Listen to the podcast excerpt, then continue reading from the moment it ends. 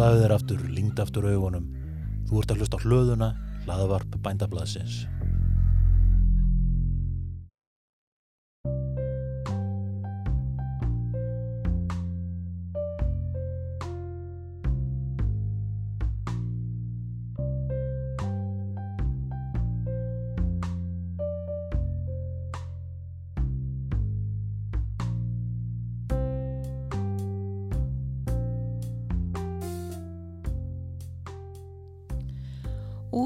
Komin matvælastefna, fyrsta sinna tegundar fyrir Ísland. Þetta er stort og viðamikið plagg sem ætlað er að móta framtíða sín Íslands sem matvælaland til næstu tíu ára. Stefnan fjallar meðal annars um tengsl matvæla og líðhelsu, samspil matvæla framleiðslu og loftlagsbreytinga og leggur fram tillögur að aðgerðar áallun til að innleiða í atvinnulíf og stjórnkerfi. Matvælastefnan skiptist í fimm megin þætti en út frá þeim er að lagður grunnur að sviðsmynd sem kallast Matvælalandið Ísland árið 2030.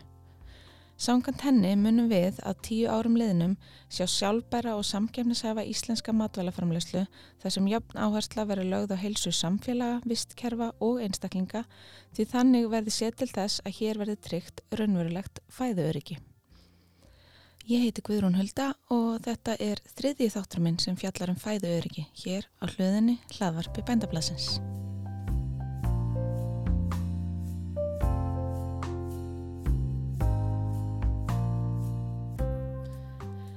Vinna við matvælastefnuna hófst á haustdögum árið 2018 þegar sjávarútvegs og lambúnaðar á þeirra skipaði verkefnastjórn sem samastendur af 11 einstaklingum. Þeir eru fulltrúar ríkistjórnar, samtaka yðnaðar, fyrirtækja í sjávarútvegi, verslunar og þjónustu, neytendasamtaka og bændasamtaka Íslands en auk þess hefur nefndið fengið til sín fjölda álitskjafa og rauðum hagsmunnaðala til að fá sem viðtakasta sín á málefnið. Kynni ég þá til sögunar við mælanda minn í þessum þætti. Já, ég heiti Vala Pálsdóttir og ég er formaður verkefnahóp sem er að móta matvælstefnu fyrir Ísland hérna fyrstu. Rétt er að benda það að við tókum megnið af þessu viðtali upp fyrir heimsfaraldur eða svona þegar hann var í starthólunum og er því talað út frá forsöndum fyrir COVID ef hægt er að segja það. Til dæmis þegar kemur að ferðamanna yðnaðnum og áhrifum hans á framleiðslu og nýslu matvæla hér á landi. Í dag gerum við okkur grein fyrir forsendubresti fyrir ferðarþjónustu og afleitri framleiðslu út af henni. En ég læta samt standa, svona fyrir samhengi umræðinar. Ég fekk völu fyrst til að segja mér frá hvernig þau nálgöðust þetta viðamikla verkefni. Þegar hópurinn kom saman, þá voru við svolítið að hugsa okkur hvernig byrja maður þegar maður er með aukt blað Hvar, og enga stefnu fyrir sem maður getur hort til að allavega íslenska en auðvitað höfum við einhverja fyrirmyndir að utan en okkur fannst mjög mikilvægt að horfa til þess að við værum að gera þetta fyrir Ísland og Ísland þurfti svona að skoða ákveðu byggir Ísland. Við getum ekki bara hort til Norðurlandan og sagt svona gera þeir þetta og við heimfærum það en auðvitað höfum við það líka að leiðaljósi. Þannig áður við fórum kannski í hérna eigilegu mótun stefni þá ákveðum við að skoða hver Ísland væri. Svona 2018-2019 bara í framleiðslu og allt sem tengist matvala keðjunni. Og svona kannski líkil niðurstöðu voru kannski þær að við erum að framleiða 830.000 tonn. Stærsti hlutin af því er sjáarfang sem fer til útflutnings. Og en við erum að, fyrir innlandsmarkað erum við að framlega 220.000 tonn Af, af þessum, já, af matvælum af þessum 830, 630 fara til útflutnings, það er umlega 600 um, síðan erum við að flytja inn 290.000 tonn af matvælum eða ráöfnum, sumt af þessu er kveiti og annað sem fer bara í innlenda framlegslu og sumt er bara beint til neyslu. Og það er ekki neina endilega tölur um hvað þessu fer sko aftur út, hvað við erum að flytja til að mynda ef við horfum bara á súkuleð, við höfum að vera aðeins að feta okkur áfram í því að flytja selgæt út, við vitum að það er ekki nákoma tölur á því hversu mikið hluti að því sem fer inn fer út aftur. En hins vegar er ljóst að stærsti hlutina sem við flytjum út er sjáarfang, að eiginlega mestu leiti og hefur verið náttúrulega um árabil. En þegar við horfum svo hins vegar á dagvörumarkaðin, hvernig hlutfall íslenskra framleiðslu að þá er svona þess að við fengum heimildir frá vestlununum cirka 45% eru íslenskar vörur framleitar og búnar til hér cirka 25-30% er þá ráðin sem hefur verið fluttinn umpakkaða unnið og er selt og síðan er cirka 30%, 35% er bara það sem kemur beint á utan og selt beint inn í, vestlunum Þannig að staða íslensk yðnaðar og íslenska matvæluframsli er svolítið sterk í rauninni því að við erum næstíu með, ef við tökum bara heildar þá erum við næstíu með sko 65%, 65-70% af markaðan. Og það er bara mjög sterkt fyrir okkur. En auðvitað erum við hef, og hefum alltaf verið háð innflutningi á mati, á mat, matvælum hvers konar. Frá erum við svona sem frá þessari sko, síðustu 100-150 árum þá höfum við svo sem verið að flytja út fisk. Og við höfum verið svona í rauninni búið til gæðavöru, við erum í rauninni bara með 1%, 1,5% heims aflanum en við erum að gera gæðavöru sem við erum að selja á tiltekna markaði á góðu verði. Og sjáurúturinn stendur undir að, nú mann er ekki alveg töluna en ef við tökum þetta með sjáurúturinn og, og hérna ferðarþjónustuna þá standa þeir undir 57% cirka, ekki alveg konar reknaði tölu fyrir 2019 en cirka það fyrir heil, heildar gældristekjur þjóðurinnar og það er bara skiptir ofsalega miklu máli að þetta sé vel gert og þannig eru tækifæri. En við horfum svo tilbaka það sem við erum að gera á Íslandi við erum að sjá, við erum að sjá svona litla framleyslu fara að stað saltframleyslu, súkulað eða selgætisframleyslu menn er að horfa svolítið núna á kalkþörungana eða slíkt, þannig að það er alveg tækifæri og og þannig er bara örlítil framlæslega fyrir að stað og svo eigst hún.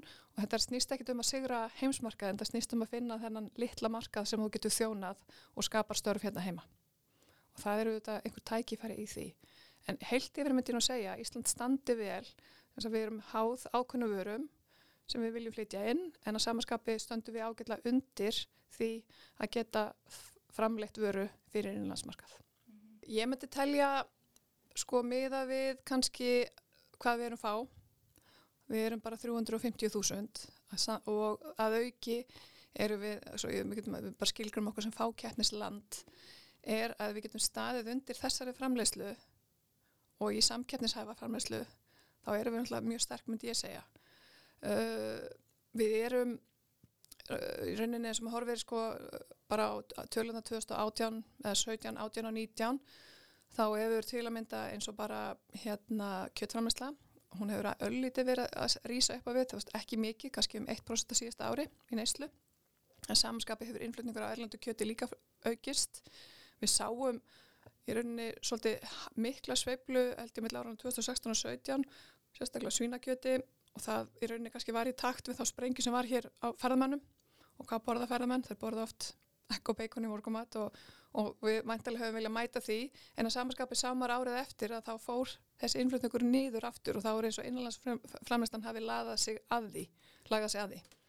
Þannig að auðvitað er það þegar við fáum svona óvendar sveiblur eins og gerist með tilkomu þessa ferðamanna. Minna því að meðtali erum við að fæða cirka 35.000 manns á hverjum degi sem eru ferðamenn, það er 10% þjóðunni og þessi vöxtur var auðvitað mjög hraður og þegar eins og allir kannski þeir sem er í framhengslu vita þeir gera áallanir og þá þarf ákveðin svona sveg, er, þá er þessi einhver svegleiki þá þarf ákveðina tíma til að gera rástafanir ef að verður mikil aukning.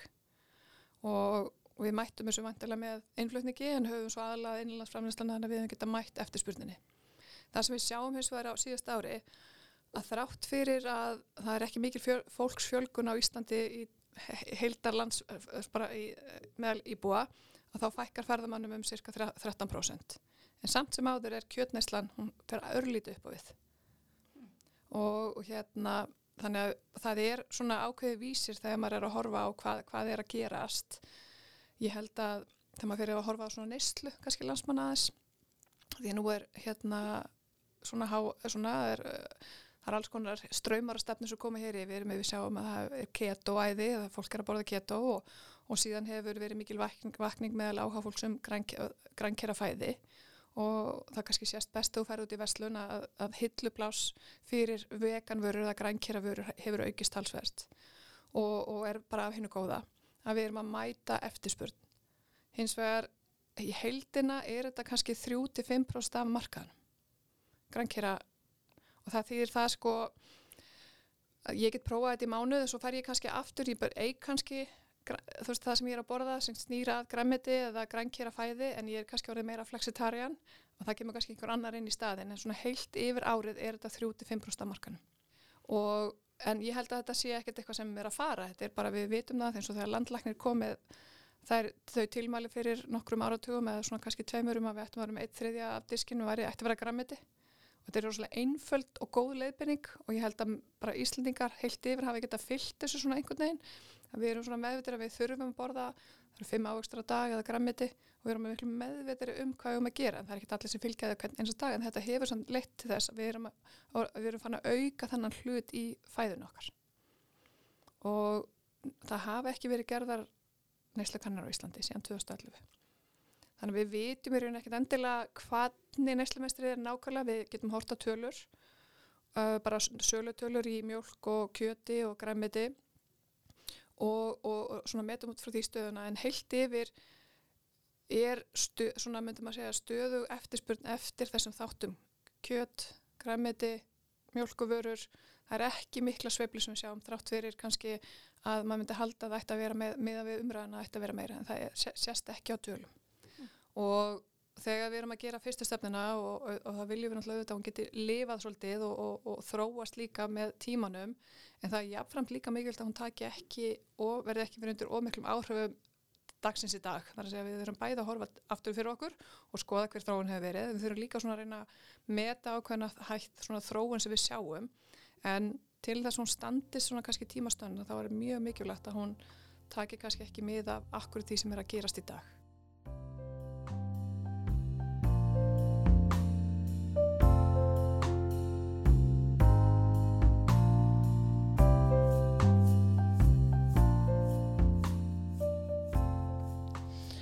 Með þau gögn og þekkingu sem tiltæk voru um stöðu framleiðslu og neyslu landans formaði nefndin stefnu sem ætlaði að móta framtíða sín og markmið Íslands. Við það bættist síðan annað verðugt verkefni. Að leggja fram tillegur að aðgerðum svo settu marki verði náð eftir tíu ár. Þetta er því full kláruð stefnumótum með markmiðum og langtíma áhællin. Matvælastefnan er gróflega skipt upp í fimm þætti en vala stiklar hér á stóru um hvern þeirra. Og fyrsti þátturinn er kannski verðmætasköpun. Þar, þar, þar eigum við bara við að við gæta þess að Ísland sé sangjumsæft, að hér sé mentun, að hér sé nýsköpun og við séum að framleiða og auka framleiðni. Því að það sem er framleiði þar er haxelt. Og ef við tökum þessi 830 tónn sem eru framleiða matalum í dag, þá er það cirka 2,3 tonn á hvert lands, landsmann sem er bara ágætt og, og, og er gott og við veltum bara fyrir ykkur, mæ, er það mælalegur árangur eða auka þessa tölu eða er þetta gott eða, eða auka gæðin og þar með kannski uh, afverðaverðið. Þetta er, svona, þetta er all, allt svona mælingar sem ættir að mæla. Okkur veist kannski ekki ástæða til að fara nákvæmlega onni í saumuna því því að mér finnst markarinn eða kannski svolítið að hafa frelsi til að stýra því. Uh, síðan er það þessu kannski tveir þættir sem eru nátengtir það er annars vegar náttúrulega umhverfistættinni sem hafa, eru fannar að spila starra og starra hlutverki öllu því sem við gerum. Og Ísland hefur ákveðna styrkleika og getur sótt fram á þeim. Og ég held að séum þetta líkiladur að við svona verðum alls sammála um að Ísland eigi kannski að vera bara leiðandi því að vera sjálfbært. Og það þýðir rauninni það bara að við ætlum að fara vel með það sem við eigum og við ætlum ekki að ganga það og við ætlum að tryggja það að komandi kynnslóður geti líka nýtt sér það og eins bara þessir þættir sem er að koma inn, hvernig eru við ábyrgi í framleiðslu, hvernig eru við uh, að taka eins og bara nótkunn varnarefna, hvernig eru við að nýta vatnið, jörðina og fleira til? Og þarna bara stendur Ísland mjög vel að við, en við til að mynda er lítil nótkunn á eiturefnum og varnarefnum, eins og hér er bara mjög hrein jörð í rauninni til dæmis við ræktun á, á græmiti. Í annar stað eigum við mikið af vatni og vatni er mjög mikilvægt í framleiðslu matvala og það skiptir máli hvernig það er notað. Það sé farið sparlega með auðvitað en líka þetta sé bara gott vatn og þarna eigum við svolítið mikilvæga auðlind. Uh, og svo þessir aðri þættir sem eru eins og ég nefndi matarsóun eða sóun við, við þessa matvæla keðju allt frá framlegslu til neyslu uh, að fara vel með og, og, og hérna og vera ekki að sóa mikilvægum afröðum uh, við höfum séð það til að mynda eins og bara í sjárótvönum við erum alltaf að nýta betur og betur uh, það sem við erum að veiða full nýta í rauninu afurðuna og það er jákvægt og, og við þurfum að horfa til fleiri þátt að í öðrum greinum hvernig við getum gert þetta líka. Síðan er það líðhelsan sem er þriðið þátturinn og heilt yfir í heiminum, uh, sérstaklega vestranum, þar sem er mikil velmögun, þar hefur svo kallar lífstilssjúkdómar verið að aukast, hjartasjúkdómar, sikursíki, offita, á meðan það er ennþá hluti í heiminum og hefur verið svo þróun síðan 2015 sem býr við hungurmörk. Er ekki að fá nægila næringu. Þetta eru miklu öfgar. Og við sjáum bara að við þurfum að fara að taka axla ábyrði í þessu. Hvernig eru við að velja, hvaða næringu þurfum við, hvernig matvæli eru við að velja. Þetta snýst bæði út frá bara hvaða næringu þurfum við, hvernig er hún samsett og hvaða áhrif hefur hún á heilsu okkar. Það hefur ekki verið metið á Íslandi hvað slíkar aðgerir kunni að spara til dæmis heilbríðiskerfinu ef við tökum þetta skrifa að, að nærast betur og taka ábyrgari afstöðu þegar við erum að borða en, en enga síður þá, þá eru samt alla tölur eins og bara til að mér Nóregur hefur lagt mata á þetta og þeir segja bara þetta munir spara ekki bara miljón heldur miljarda í heilbríðiskerfinu Ég held að það er mjög gott skref. Þannig að þessi þrý þættir, verðmatasköpun, umhverfið og, og líðhelsa eru mikilvægi þættir en svo er það þáttu neytenda. Og á einhver leiti hefur Íslandi verið framlegslu drifið. Og, og við, svona, við treystum ofsalega vel umhverfun okkar. Við þekkjum vörumerkin sem eru hérna uh, eða það er vestlan sem við erum að skipta við þannig að við erum svona, okkur finnst við vera kannski vel um okkur hugsað. Ef við horfum á kannski samt valdi sem neytandin hefur, þá er það umtalsvert. Uh, heimilin eru með cirka helming af öllum þjóðar útgjöldum og þegar við horfum á heimilin þá fyrir cirka 22% í fastegnir og, og, og gjöld tengt því en 13% er matarkarfan okkar. Og það er bara í takt við önnur lönd og, og bara og gott Og síðan er kannski þessi nýju þáttur sem við sjáum auðvitað breytingu með þessum kynslan sem eru núna og kannski svona síðislegum 10-15 árum að það fyrir orðin aukinn hlutur í það sem myndur bara nefnast hótel og veitikastæðir. Og það er ekki til nákvæm niðurbrót á hversu mikið hluti af heimilunum fer bara til veitikastæða en ég sá tölu, ég held að það verið á ferða, samtökum ferðarþjónustan sem var cirka 5% og ég myndi telja að yngra fólk fari oftar út að borða heldur en kannski eldri kynslaður og þetta er kannski breyting sem er komin til að vera en þetta er ákveði vald. Þannig að í rauninni næstu 20% útgjöldum heimilina er matala tengt með beinum hætti. Og þegar þetta er kannski kemur fram þá er vald neytandi orðið mikið? Við getum í rauninni stýrt svolítið mikið hvað við erum, hvernig, hvað, hvernig já, ég rauninni afkomi framleiðanda. Við getum sniðið fram hjá vöru, við getum aukið eftirspurn eftir vöru. Og auðvitað er þetta svona hlutverk hvernig eh, eftirspurnar og frambóðs en, en þegar maður verður að horfa þetta hvernig á maður að, að svona að stýra matalstefni átt að þessu þá held ég líkilega því ég er auðvitað bara að hafa frelsamarkaði að neytandin hafi alltaf val. En maður þurfum að hjálpa neytandunum líka að taka góðar ákvarðanir. Og á síðast ári setti landbánu og sjáuristráð í rauninu upp svona reykjanleika kerfi þannig að það er svona framlegundum með skildamerkja uppbruna og, og, og hérna og ákveðna, já, í rauninu ákveðna upplýsingar. Þannig að við þurfum að auka þessar upplýsingar ekki bara við innlandaframslu heldur líka það sem er flutt inn. Bæði bara hvaðan er varan uppbrunin í hvaða gæðaflokki er hún uh, til að mynda bara hvernig er hvaða umhverfistættir komið hann inn, ég menna við fatta einar að þekkir þetta vel. Þar hefur verið rætt um sko þegar börnur eru nótið framleyslu, hvernig er það í matalaframleyslu elendis uh, og svo bara umhverfistættir eins og nótkun vass spillefna og slíkt að þetta er allt upplýsingar sem að neytandi við þurfum að auðvelda neytandunum að fá og taka þá ákvörðan út á því. Þannig ég held að hlutverk neytandans eigi eftir að aukast á Íslandi. Herðu og svo er það fymtikabli sem hefur fengið þannig sem er ásýnd og öryggi og tekur í rauninni á þeim þáttum sem snúa að því hvernig við ætlum að setja Ísland fram bæði sem matvala framlegenda í þessu alþjóðala hérna, kerfi sem við, heimi sem við erum auðvitað að, að vinna í. Og þegar maður hugsa um svona heildina þá er þetta auðvitað eitthvað vöru og upplýsingaflæði sem hér streymir og, og, og, og við erum komið miklu fjölbreyttir í vettvangssamskipta og þetta er stjórnmál, ferðarþjónusta, alþjóðið skipti og hvernig viljum við að það sé hort til Íslands. Og ég held að það sé mjög mikilvægt að varðveita og viðhalda og, gæta að ímynd bæði lands og þjóðar í sammennu við hag aðilana, bæði með rannsóknum, vöktun og auðvitað eftirliti. Og svo geta aðstæði breyst mjög hrætt og við höfum auðvitað séð það á síðustu mánuðum að, að, að bara til að mynda eins og COVID, hvaða áhrif það hefur og, og til dæmis hvernig við tökumst á við farald að það getur gefið heiminum fyrir utan Íslands svona einhverja vissum það að hér sé gott kerfi að setja að treysta Íslandi. Og þetta helst í hendur, við getum ekki tekið eitt þátt og aðskilaðan frá hennu, þetta verður að vinna saman.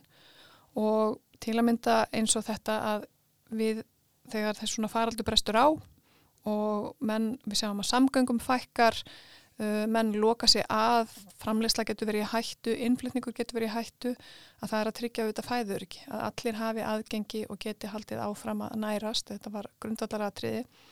Og við það sástu auðvitað hér að Ísland brást mjög vel við aðstæðum, bæði var innflytningur tryggður en að samaskapi líka uh, var tryggt hér að framleysla heldist og, og, og, og hér var engin skortur. Einhverju, þetta kannski getur við sagt að einhverju vörur var eftirspurn eftir, ég heyrði nú gera nefnt, en, en það er ekki þannig að, að við, það voru engin hættumörk og það er mjög mikilvægt að samaskapi matala öryggi. Að er þetta örugt til neyslu, getur við treysti að við verðum ekki og erum við að fá vörur í hendurna sem við hefum ekki hættu að kostum það er að smittast af einhverju eða verða veika eða, eða auðvitað næring líka. Þannig að þetta helst í hendur, segi ég, og, og, og, og við erum sammála um það að, að hvernig við setjum hluti fram getur haft áhrif á annan uh, og það þurfum einhvern veginn allir að átta sig á því að, að það sem er gertir í nafni lands eða þjóðar, kostum ferðarþjónustæðali sem er að bjóða upp á þjónustu, uh, flutningur eða útflutningur á vöru eða í rauninni bara hvernig stjórnvöld og aðrir aðelar takast á við hlutina. Að við getum sínt fram að, að, að, að hér stöndum við undir örygginu, við stöndum undir geðunum, þá treystir það svolítið ásýnd þjóðar, hjálpar öllum þessum greinum. Og ég held að það fram í sækir að þá muni hvernig Ísland brást við þessum faraldi styrkja Ísland talsvert. Og það sýnir það bara hvað það skiptir í rauninu miklu máli.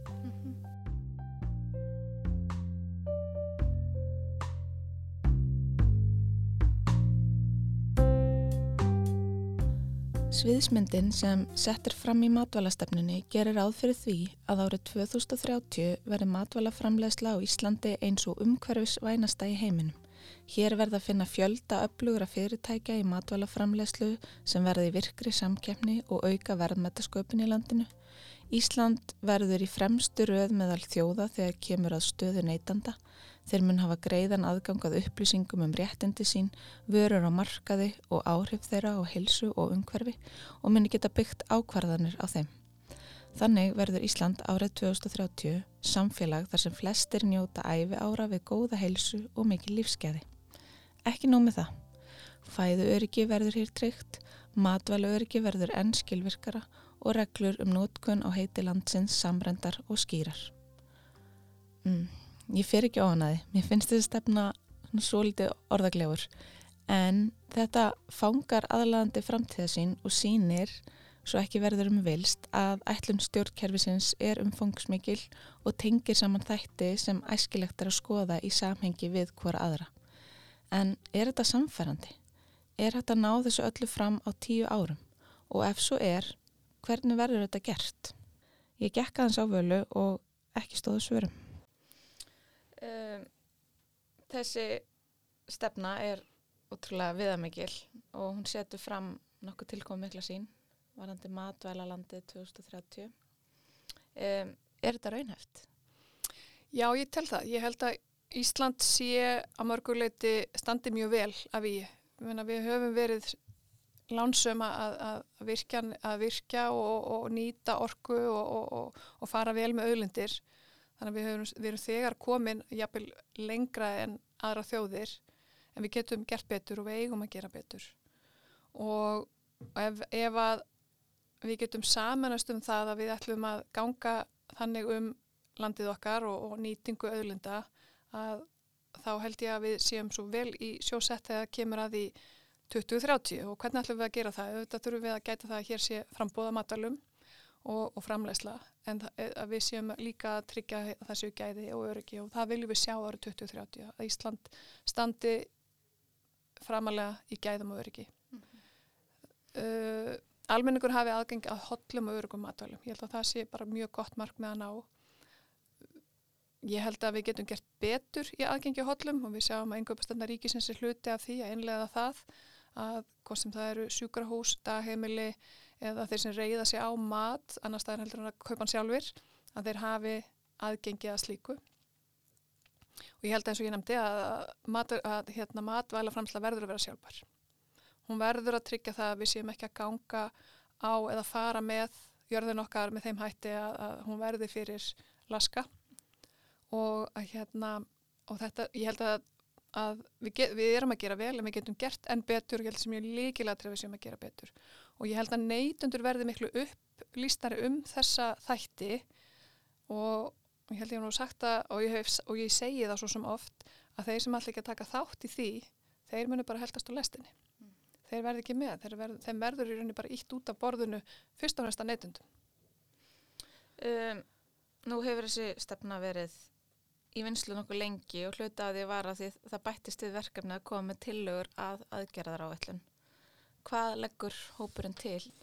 Já, þetta er náttúrulega búið, er búið að taka hátt í tvö ár og hluta því er náttúrulega við vildum bæði vanda til verksins og standa að því og svo hafa komið kannski stundum svona ófyrirsjálegi hluti sem hafa kannski tafið örlítið vinnun okkar. En heilt yfir þá getur við líka sagt að þrátt fyrir það þá stendur stefnan og ég held að það sé það besta við þetta.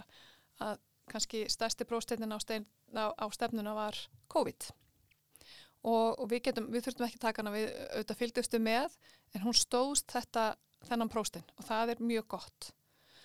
Og samlega þessu höfum við verið að vinna aðgera allir sem við höfum lagt sem tillögu til ráðnitana og, og verið tekið þar inn.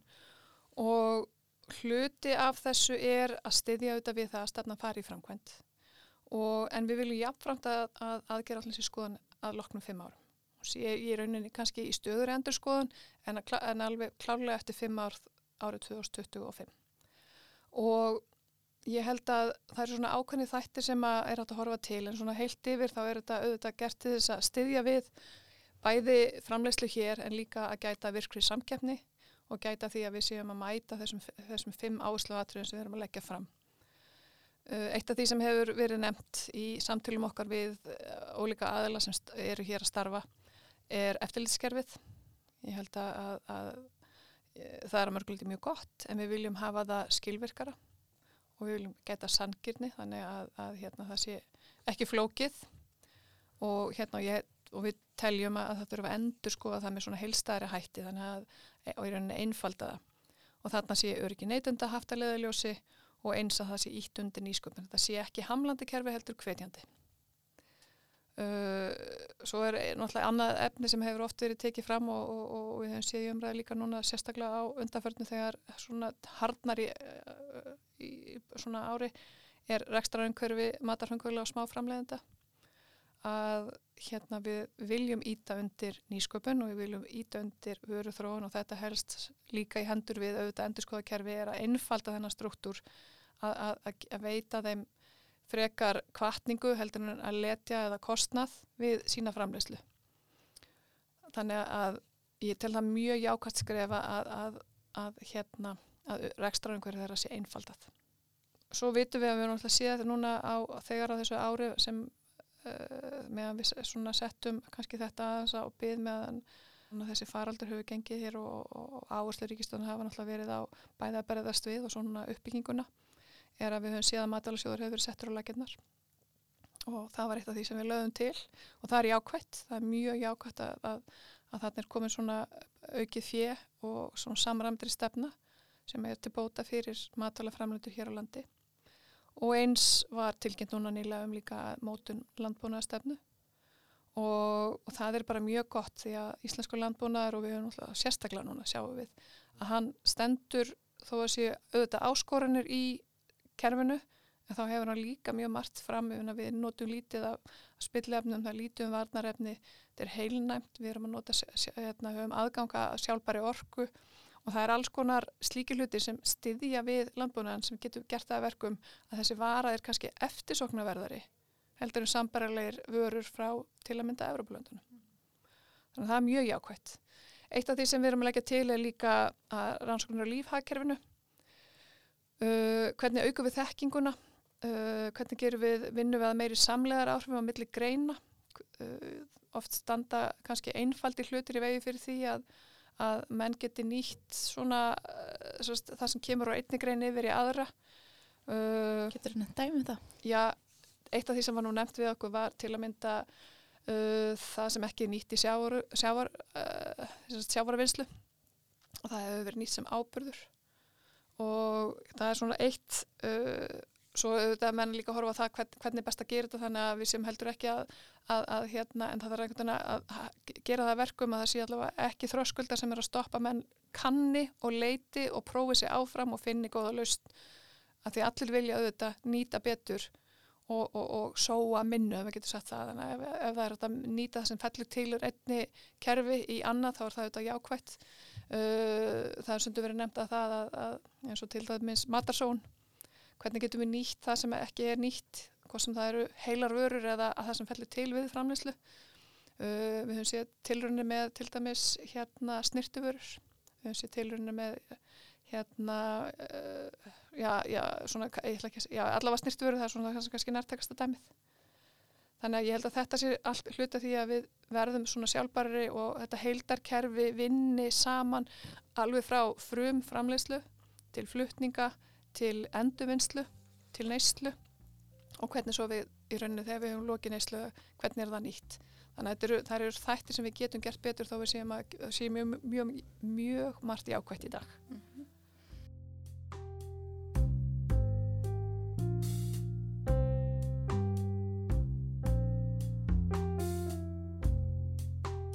-hmm. Líkilatrið sé nú það auðvitað það að við halda því að Íslandi sengjansæft og hérna og til að eitt af því er til að efla hérna, rannsóknar innviði. Við eigum sterka háskóla og við eigum hérna uh, gott eftirlit og, og við viljum hlutlega gera það bæði til að tryggja það að matvæli og, og, og neistla sé örug. Uh, en það þarf að, að gæta því að, að, að þetta sé alltaf til staðar. Við séum að efla við þessar bæði það að fólk fari og velji sér þetta nám sjá tilgangun af hverju þetta skiptir. Því rannsóknir skiptir ekki bara líka í eftirlitu og rannsóknir heldur líka bara í nýsköpun. Að, að kanna, við hefum séð þetta hlut til sjárutöðinum, þar sem menn hafa verið að taka og vinna. Uh, til að mynda eru er koni drikki sem byggja á kollagen úr fiski. Uh, við hefum séð hérna menn er að vinna með þörunga og þetta er, þetta er svona þróun, ég held að, að þetta sé ofsalega mikilvæg svona auðlindi sem við þurfum að gæta að Þannig að rannsóknar innviðir eru mikilværi víðari skilning heldur en bara við eftirlitt eða, eða að tryggja það að hlutin þessu hérna, öryggi til neyslu heldur líka líka fyrir nýsköpun. Mm -hmm.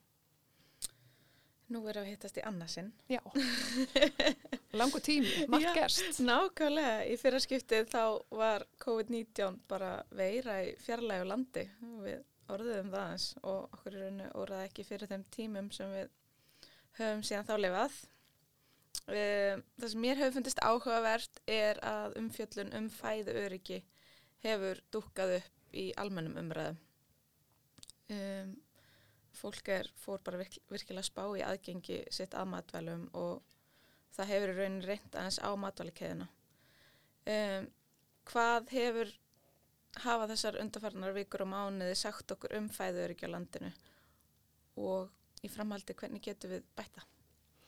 Já, ég held að það sé bara í rauninni spurning sem hefur allt í hennu komið upp allstaðar í heiminum, ekki bara á Íslandi heldur allstaðar, að þegar heimurinn í rauninni lokast svona hratt og við sáum áhlaupa búðir ekki bara hér heima, heldur líka úti og, og hillur stóðu tómar eins að fólk var bara að undirbúa sig undir það að, að vera heima og sumir eru, ennþá heima. Þó að lífið sé kannski farið að taka á sig svona einhverja mynd hér heima á Íslandi og þá er ennþá víða erlendis sem eru mikla takmarkanir. Og ég held að það sem að kannski við getum hort til á Íslandi er hvernig kerfið brást og hvernig það brást vel við og hvernig það stóð undir þessu.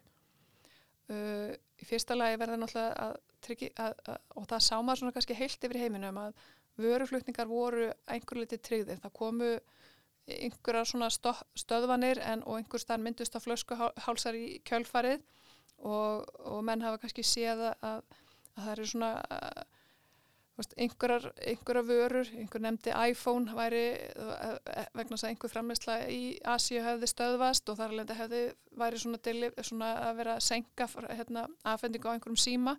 Veist, kannski ekki stórt atri í heldarmyndinni en svona sem dæmi veist, það er kannski stöðvast einhver versmiða einhver staðar og það er svona eru litli hluti sem geta haft áhrif til dæmis eins og bara á umbúðir hvernig, hérna, fá, hvaðan koma umbúðunar í rauninni. Og þetta setur heiminn í svo stort samengi fyrir okkur. Að við erum þó við séum með framleyslegur í Íslandi þá reyðum okkur á aðföng svo víða að. Og, og ég svona, manni, svona það var allavega virtist að flestir væru með einhverjum hætti að reyna að halda þessu gangandi þó svo allar þess að takmarkan hefði verið settar á. Og á Íslandi eins og til að mynda bara breytingin frá því að vera að, að hluti af framleyslu færi í veitikahúsarekstur og hótel, menna hér hafa verið um að meðatali 30.000 ferðamenn á dag sem við höfum þurft að fæða og þeir eru rauninni hverfa mjög rætt og þegar maður er að gera áallanir í framleyslu þá er það ekki á vika áallun, þetta eru ás áallanir þannig að þú ert í rauninni búin að gera ráð fyrir uh, hérna framleyslu byggða á tölum meðal annars á ferða, ferðaþjónustu en það sem koma móti að við ferðumst líka mikið. Þannig að í staðan fyrir að hér væri ferðamenn og yngur íslendingar í útlundum þá voru íslendingar heima og ferðamenn færri ferðamenn.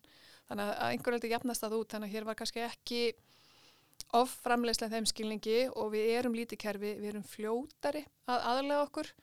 Við fengum fréttir að því erlendis frá að, að, að frakkar voru kvattir til að borða osta og belgar voru kvattir til að borða franskar og og, og, hérna og, fréttir af því að það væri verið að hella niður mjölk í, í bandaríkjum því að Starbucks hefði lokað og þar með fór bara stór kunni auðvitað eru þetta svona skamtíma áhrifin og erfitt að sjá fyrir og ég held að enginn hefði gett að sé þetta fyrir. En íslensku neytandi gati rauninni ekki fundið það þegar hann fór til búið að hér væri eitthvað slikt í gangi. Bara, bara, og kerfið stóðust þetta álag fæðu örgi var tryggt. Um, bæði íslenskir framlegendur, þeir voru fljótar að aðlæða sig að því að nú var fólk að vestla til heimilis en ekki mötuneytin að vestla fyrir stærri vinnustæði eða skóla. Það var auðvitað stór breyting og, og það var svona hérna kannski menn hægðu á að breyta hvað þeir væru að framlega því að auðvitað er öðruvis að framlega fyrir stór mötuneytti heldur en mörg heimili. Um, við sjáum jáfnframt eins og bara á, hafa veiðar verið nokkur neginn í takt við fyrri ár. Þannig að veiðar hafa haldið áfram en við munum ekki sjá kannski fyrir en líður meira árið hvernig útflutningur á sjáurötu er. Því að til að mynda uh, má segja til dæmis þoskur það, er, uh, það sem er gæðavara og hann er eftirsóttur íslensku þoskurinn sem kannski var að fara á fiskmarkaðina sem lokuðust að það var eftirspurn eftir þeim í matur eins og fólk sem vil borða fisk, það vil góða fisk, það vil kaupa íslenskan fisk. En að samaskapi kannski fiskurinn eins og ufsi sem er seldur aðala í mötuneyti og, og svona í hlaðborðin, er ekki hlaðborð, það er ekki mötuneyti og þá sér þau bara að útflutningurinn hefur svona dreyist saman. Og, og í rauninni veiðar líka, það er, það, þegar það er ekki frambóð eftirspunnamarkanum þá þá er ekki veitt. Þannig að hérna, það er svona og við erum lítið kerfi og við erum sveileg og við erum fljóta að bregðast við. Og það er það góða við Ísland. Þannig að við getum sagt að við séum í rauninni svona við getum, við erum fljóta að bregðast við. Og hérna og, og sérstaklega meðan við getum tryggt vöru skipti, það er að segja við erum að flytja út og við erum að flytja inn að þá er það náttúrulega líkilatri því að við fremlaðum ekki allt. Og við viljum eiga í alþjóðu viðskiptum því að við viljum líka geta flutt út Þannig að þýlun til, má segja, þessi tíma hafi sínt það að, að við, við höfum, þú veist, það eru breytingar, áherslu breytingar í framleyslu og auðvitað er þetta högg fyrir matalegu framleyslu, á Íslandi að möturneiti og, og, og veitingarstaðar í rauninni lókuðu en að samanskapi og jógst eftirspurnin bara í maturu eftir maturu einað heimilina.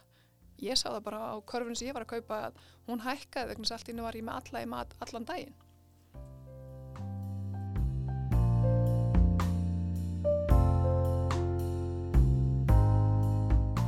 Stefnan leggur uppalega með er kannski stóri rammin. Það er að segja hvernig ætlum við að vinna, hvaða þessar fimm grundvallar atrið erum við að vinna með og nefndin lagði óslulega mikið upp úr því að, að hafa ekki ofþröngt skilgrind vegna þess að þegar þú gerir það þá getur hún orðið bara þegar við sjáum ekki fyrir allar breyningar. Það geta verið örar, það geta verið utanakomandi sem við ráðum ekki við og það er svo mikilvægt að stefnan standist slikt uh, ef við tökum þessum dæmi bara plast uh, við leggjum það til að minka plastnótkun í matvælaframlæslu og það er klálega vilji til. En í dag og hefur svo sem verið er þetta örugusta leiðin. Og allt í unni eins og þegar svona faraldur skellur á að þá allt í unni þá sjáum við fólk með plasthanska vestla, það er komið með hérna vilja fá vöruna sín í plast það er hrætt og við verðum að, að, hérna, að tryggja það að fólk sé ekki hrætt, að það hafi viti að öruginu og, og á meðan veist menn er að íta plastinu mjög markvist út og hefur það í rauninni sannað vægi sitt í þeim skilningi að þetta er ákveðið örugi fyrir okkur. En, en menn eru hins vegar að horfa okkur getur við verið með betra plast, getur við verið með plast sem að, að vinnur betur með umhverfunu og þetta skiptir máli hvernig við endur nýtu það, er þetta eitthvað sem er auðvöld að, að brotna niður og slíkt þannig að viljið framlegandi er klálega að vinna með umhverfunu en á samanskapi verður það líka að tryggja það að varan berist til neyslu eins örugt og hægt er mm -hmm. Mm -hmm.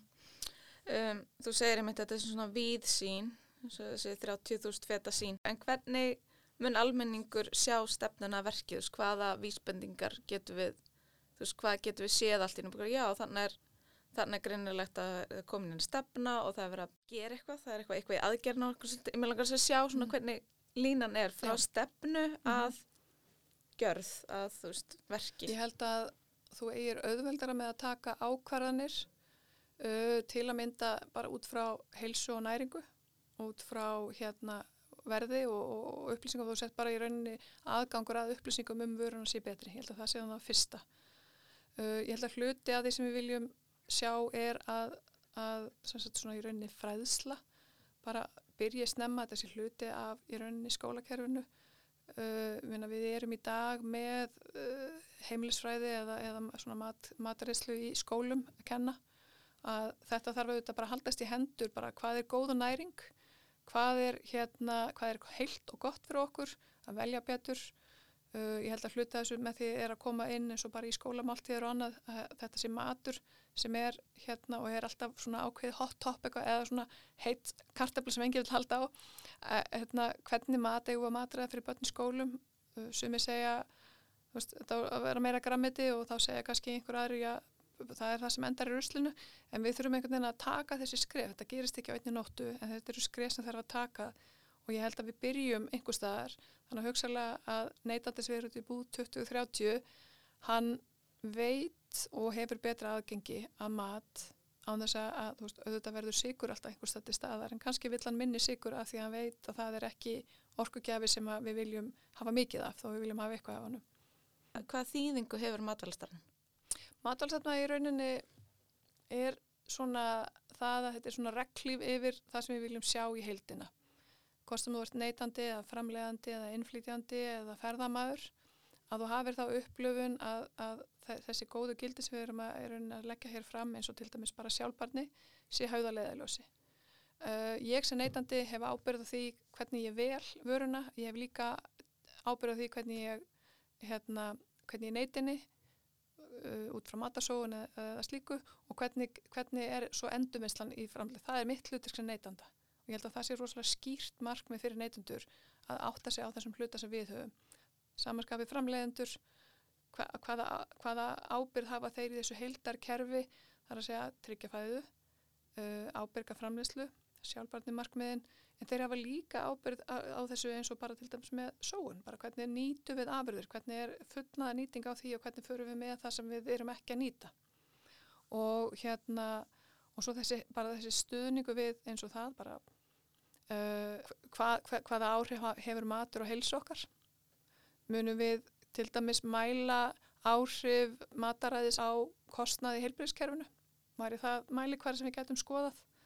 Uh, hvernig eru við að, að mæla hérna, lífsgæði út frá þessum mat, matvala staðli bara í því, í því, því að annars er gott frambóð, uh, örugt frambóð, góð heilsa en við séum líka í svona, við séum líka að tryggja það að komandi kynslar geta haldið áfram hér á Íslandi. Við erum stórt land, fámenn þjóð og og við getum framleitt marga hluti og við getum nýtt þessa uh, bæði orkun okkar, vatnið okkar, loftið okkar til þess að gera heilnamar og góðar vörur og það er svolítið ákverður núna uh, ætlum að gera það fyrir innlandsmarka og sinna honum eða eru tækifæri hugsalega að einhver leiti til útflutnings er þessi va- vara hugsalega bara meira eftirsoknarverðari heldur en kannski, já, var kannski fyrir bara fimm árum? Og því það er, neytandin er alltaf að verða upplýstar um þessa þætti sem hafa áhrif á lífskeiðin okkar. Heilsan okkar, líðan okkar aðgengi okkar að mat og ég held að þetta er alltaf þetta að vega þingra og þingra Svo líka umhverju státturinn. Og, og, og sjálfsögðu umhverfstáttur þetta, þetta helst í hendur þannig að það að hér sé komið stefna segir okkur, heyrðu, við, við ætlum að horfa til þess að þátt við ætlum að þetta eru þætt skipta eru svona líkilatriðin í því. Og svo er ákveðin sveigjarleiki fyrir hvern og einn að vinna með það. En ég held að þegar við erum búin að leggja þetta fram að þá að geta allir hort til þess og hugsa okkur hvert er mitt hlutverk í því að, að huga þessu? Þannig að heildar á bati stefnuna verður með þeim hætti að hvað sem það er út frá heilsu út frá umhverfi, út frá verðmætasköpun eða, eða hérna, ímynd Íslands sem við viljum hafa sterkar líka.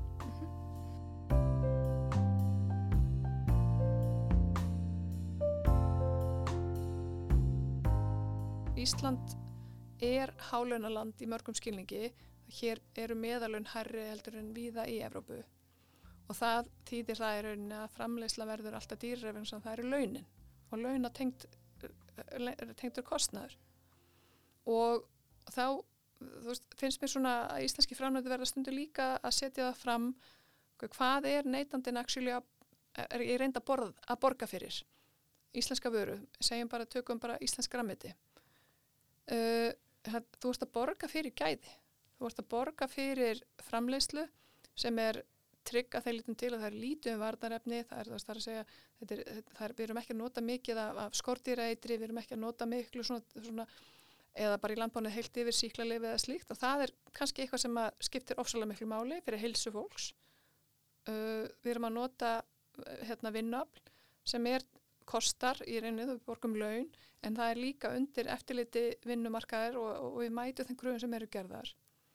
Og hitt er að þetta er nálaðin við, við neytandinni mikil, hann að varan er líka svolítið fesk, hún er ekki búin að fara í langan fluttning, hún er bara, hún er feskari og svo getur þú talið þessu atriðu upp og þegar þú stendur í búðinni og ert að velta fyrir þér vali og verði, þú veist, þá, þá hafa þessi þættir alltaf eitthvað að segja og það er hérna það er ekkert að því að þú getur fundið ódýrari vöru en þú verður líka að velta fyrir mig hvað likur að baki verðinu Mm -hmm. Hvernig viljum við að Ísland sé þegar við, það kemur á matala framleyslu?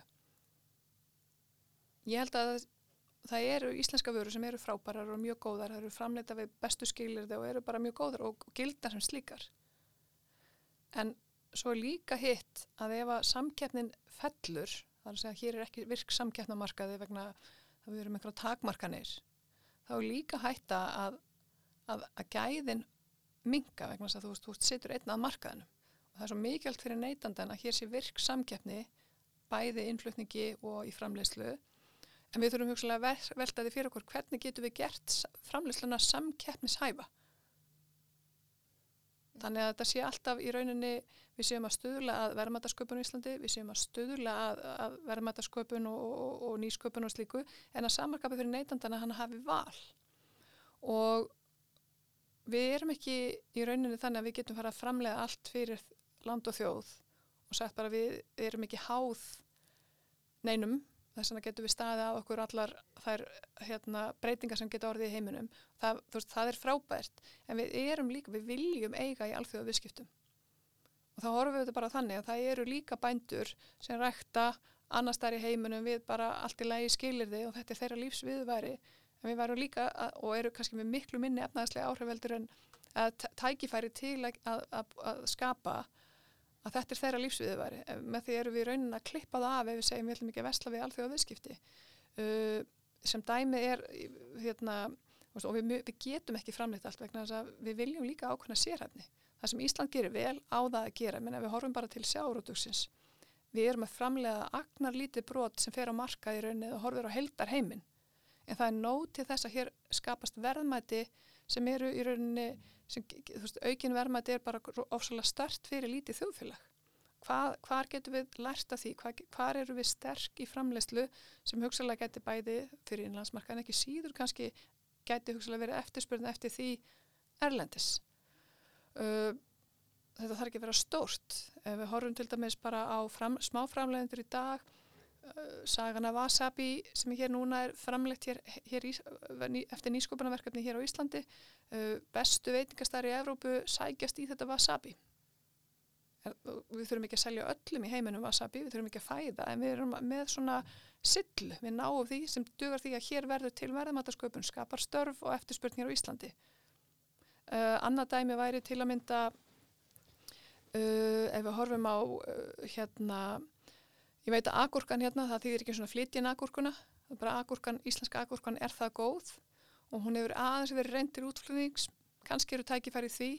Við höfum séð hvernig tómataframislan hefur breyst og, og, og við viljum íslenska tómata, þeir eru framleitir með, við, við frábær skilirði eru tækifæri til útflutnings, munum við annað útflutningi eða, eða slikt, við, menna, við erum að horfa áformum stækkun með þessa í, í framlýslu á tómataframlýslunni, bæði fyrir innlandsmarkað og, og auðvitað vonum að þess að, að, að hérna ferðarþjónustan taki núna vissir fljótlega uh, og, og, og fari og við sjáum áfram þennan vöxt sem hefur verið þar því hún flytur auðvitað líka inn uh, eftirspurn eftir íslensku matalum og þegar við gerum það vel þá er það frábært. En við getum gert betur til að mynda Uh, þegar fólk, ferða, ferðamenn hafa farið hér átt að borða, þeir vita, þeir hafa enga vissu fyrir því hvað er, hvaða fisk þeir eru að, hérna, er, er að, að borða og við þurfum, að, við þurfum að passa þetta, við þurfum að gera vel það sem við getum, en við höfum líka að flytja inn það sem við kannski bara sem býr til þetta jafnvægi.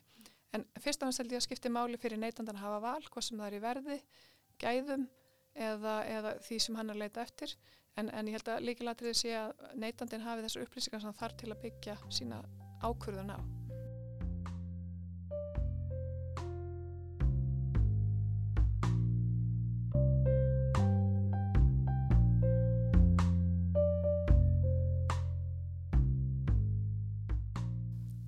Við endum samtali hér í byli en munum kannski heyra meira í völu síðar. Matvælastefnan var kynnt í dag, 10. desember 2020 og má nálga streymi frá kynningunni á Facebook atvinnuvegaráðanetisins. Fæðu öryggi er framlegt af hlöðinni hlaðvarpi Bendaplasins. Ég heiti Guðrún Hulda og er þáttastjórnandi. Hljóðmyndin var gerð af No Drops. Þangar til næst, verið sæl.